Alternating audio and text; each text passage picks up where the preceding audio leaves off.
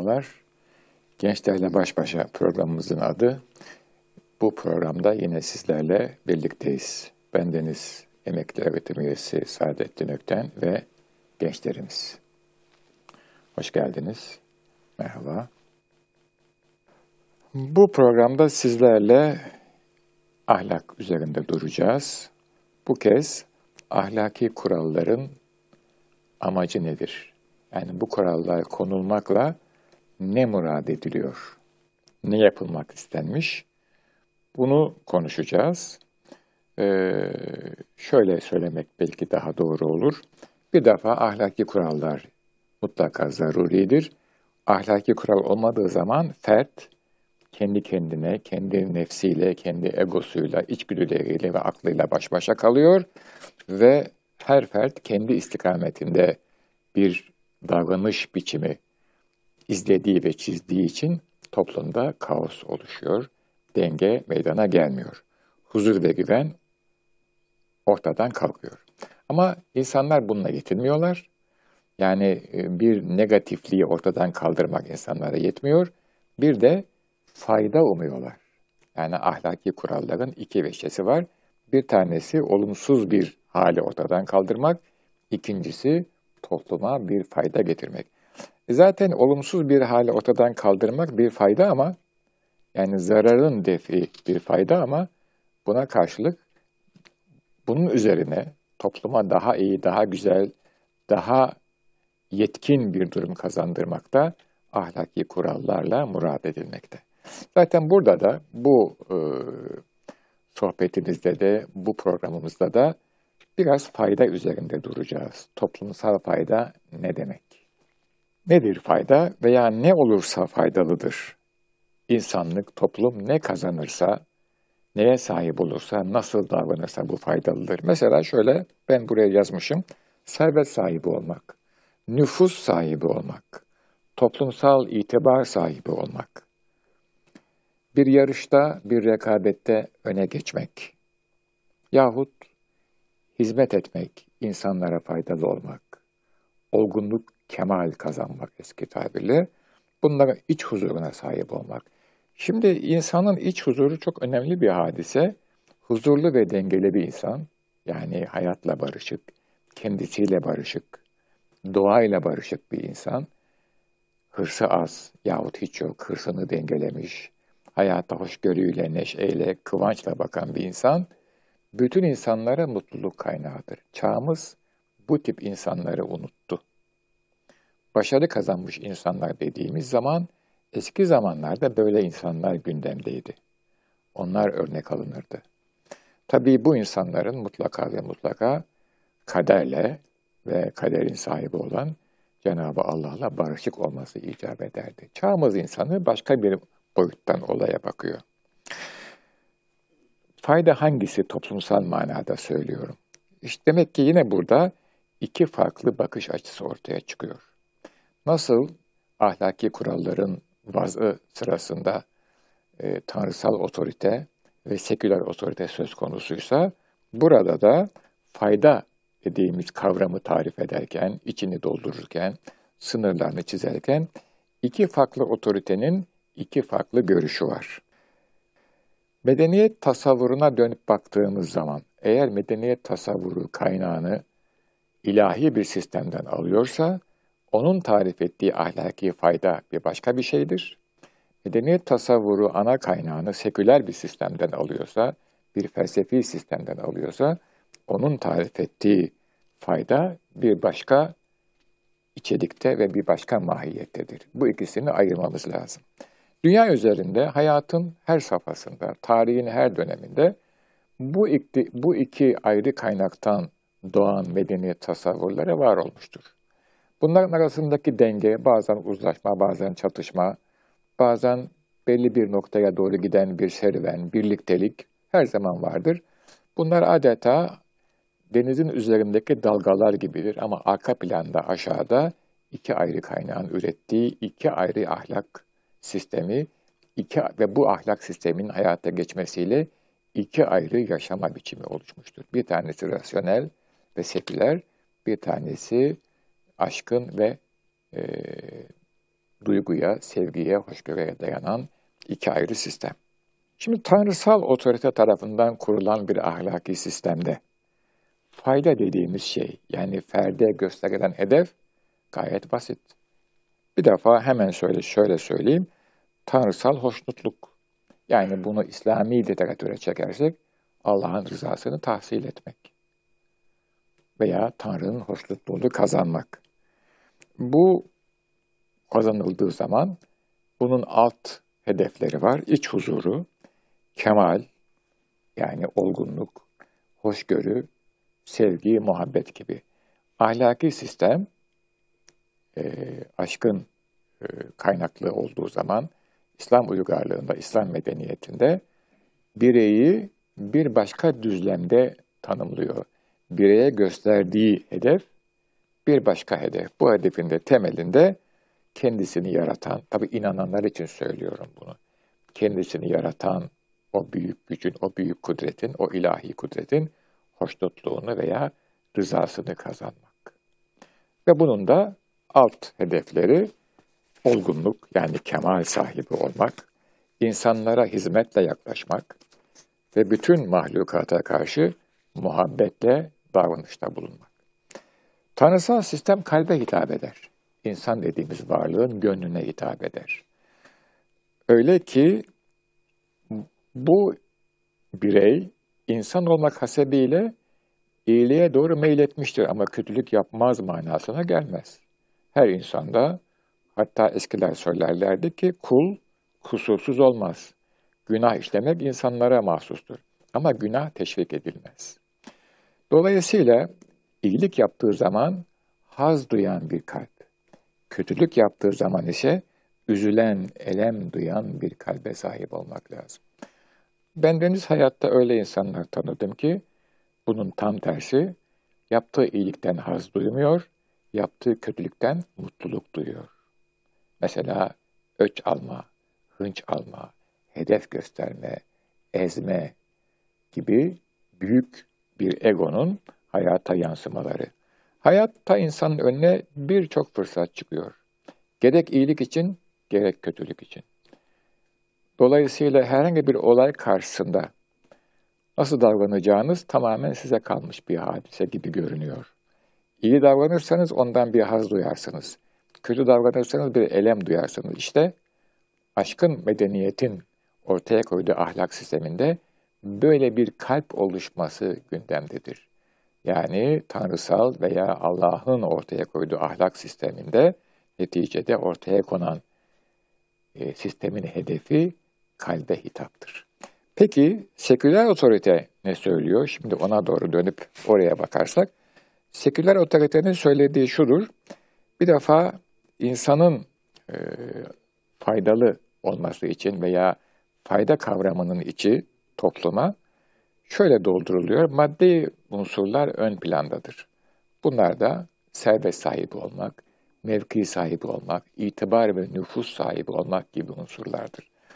Burada herhangi bir ruhi veya kalbi veya e, şahsi iç dünyamıza ait e, yenilenme, yapılanma, e, tasfiye, güzellik öncelenmemiştir.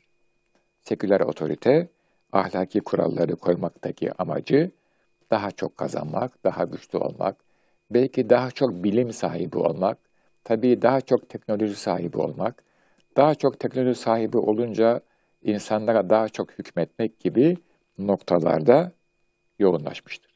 Bu tür bir davranışın gerekçelerini de insan aklı çok rahat ortaya koyabilir.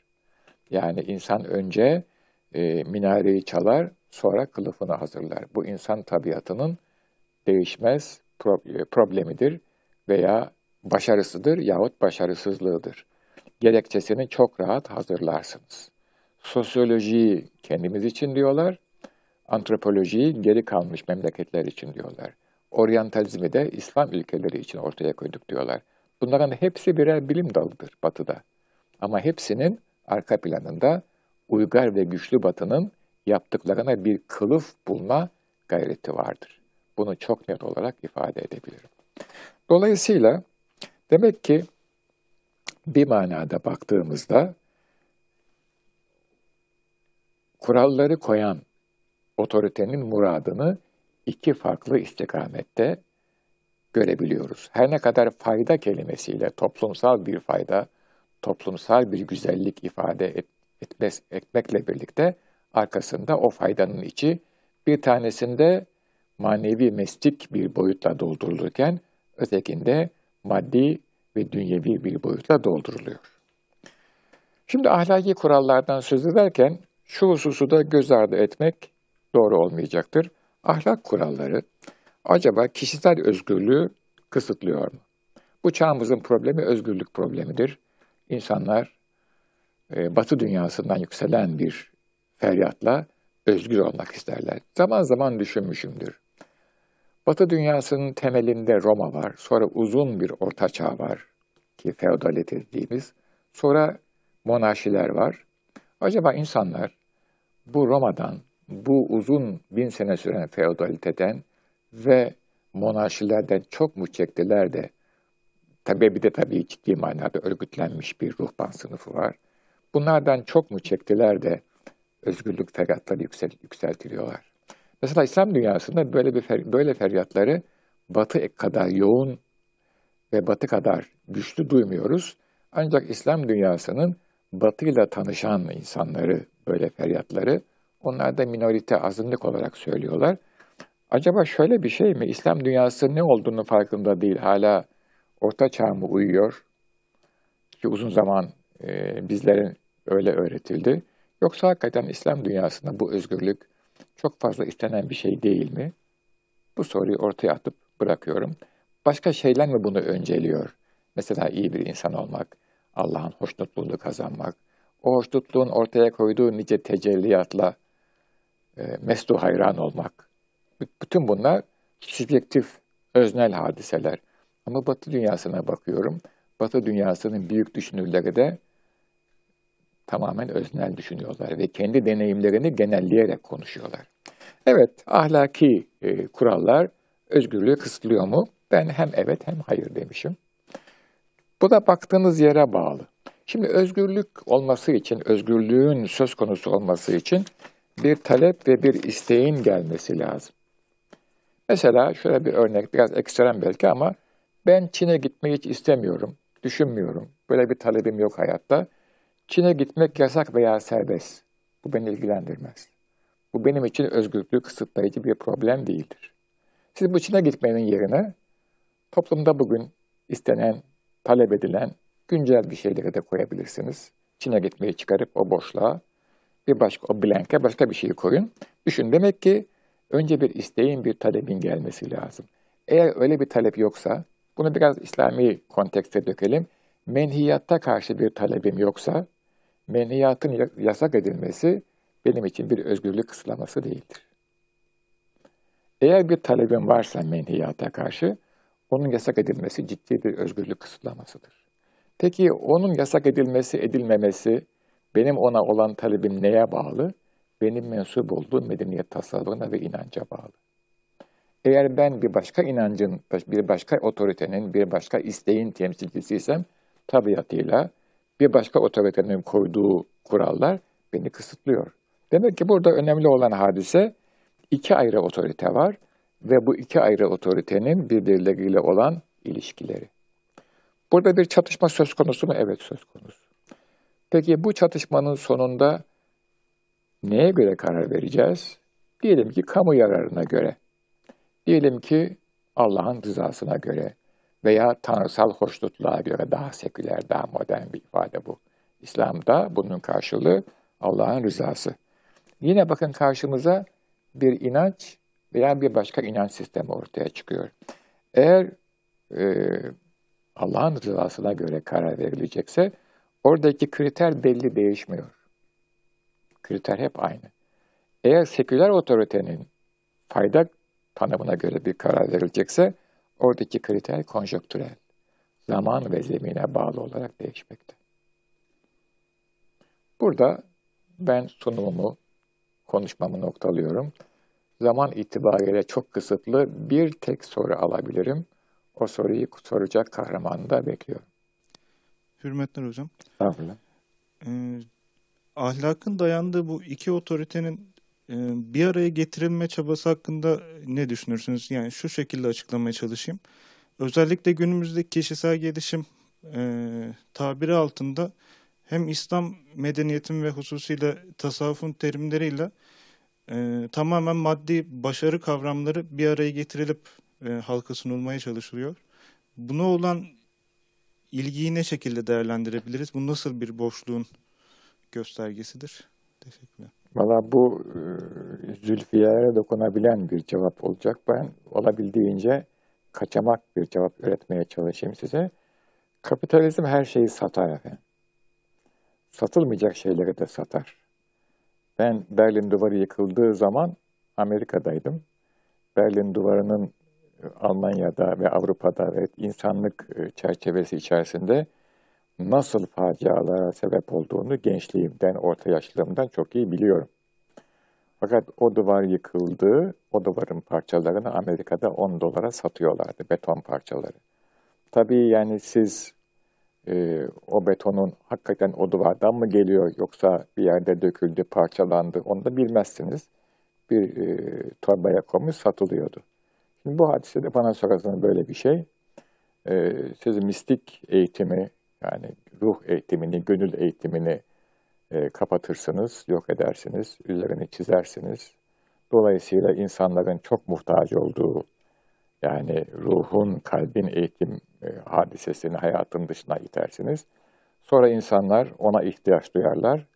Böylece e, o ihtiyacı da işte efendim kapitalizmin e, ortaya koyduğu başarı kriterleriyle manevi bir boyuta çekersiniz. Ben şunu çok net söyleyeyim size. E, o klasik mistik eğitim, o bütün e, dinlerde olan ve İslamiyet'te bütün boyutuyla var olan mistik eğitim yokluğa dayanır, varlığa dayanmaz. O yokluk yani tecrit hadisesidir. Hayattan, varlıktan soyunmak hadisesidir. Siz hayattan, hayatta sizi meşgul edecek şeylerden soyundukça gerçek gönül ufkunuzda tulu eder eski tabirle söyleyeyim. Şimdi tabii e, bundan ne kadar başarı kazanılır, bir de başarının karşılığı nedir? O ayrı bir hadise ama benim gördüğüm kadarıyla buradan pek bir şey çıkmaz. Çıksa çıksa belki zamanda geçici tatminler ortaya çıkabilir. Efendim işte hem para kazanan hem hayatta başarı gösteren ama bu hayatta başarıyı kapitalist kriterlere göre gösteren aynı zamanda iç huzuruna ermiş insanlar ortaya çıkar. Bu bana göre bir çözüm değildir. Bir Müslümanın para kazanması, e, servet sahibi olması hiçbir zaman mezmun zemmedilmiş değildir. Ama o paranın, o gücün, o teknolojinin sizdeki aksi nedir? Orası çok önemlidir. Dolayısıyla e, bu çalışmada tabii yokluğu insana e, öğreten o mürşitler de olmadığı için sadece belki e, bir büyük ruhsal maceranın hikayesinden, naklinden ibarettir. Ama ben her zaman söylemeye çalışıyorum. Görgü, derinlik, ruhi tecrübe kitaplardan öğrenilmez. Onu bizzat yaşayan insanlarla hiç konuşulmasa bile sadece belli bir zamanı, belli bir arzı, belli bir ortaklığı paylaşarak öğrenilebilir diyorum ve burada da hadiseyi bitiriyorum. Bir soru daha varsa onu da alalım ve e, devam edelim. Evet buyurun efendim. Hocam şimdi e, benim sorum yine ahlak üzerine olacak. E, toplumun ahlak seviyesindeki e, düşüşü e, inançsızlığa bağlayabilir miyiz veya inançsızlığın artmasına yeni gelen nesillerde e, inancın öneminin azalmasına bağlayabilir miyiz? E, tabii şimdi böyle bir deney yapmadık ama bu görülüyor. E, benim kanaatim o ki e, bizim toplumumuz ve Batı toplumu insan genel manada teknolojinin e, bu kadar güçlü olacağını tahmin etmiyordu. Ben hatta sanayi devrimi ve sonrasını şöyle nitelendiriyorum. Bir cin şişedeydi. E, teknoloji o şişenin tıpasını açtı ve cin dışarı çıktı. Artık içeri girmez o cin. Peki bu teknolojiyle beraber yaşanabilir mi? Ben yaşanamaz demiyorum. Ee, inançsızlık işte o teknolojiyle karşı karşıya geldi. İnançsızlık demeyelim de mala yani boş işlerle uğraşma. Daha doğrusu şöyle, insanın kendi kendisini ihmal etmesi, iç dünyasını zenginleştirmemesi, hep dış dünyaya dönük yaşaması ve tatmini orada araması. Belki bütün insanlarda olmaz ama bir süre sonra benim tahminim o ki çünkü bunu emareleri görüldü. Batı'da da görüldü, bizde de görüldü. İnsanlar sadece o e, muhteşem oyuncaklarla, o sofistike oyuncaklarla tatmin olmuyorlar. Çünkü onların iç dünyaları var. Bedenin tatmini sınırlı ama iç dünyanın tatmini sınırlı değil.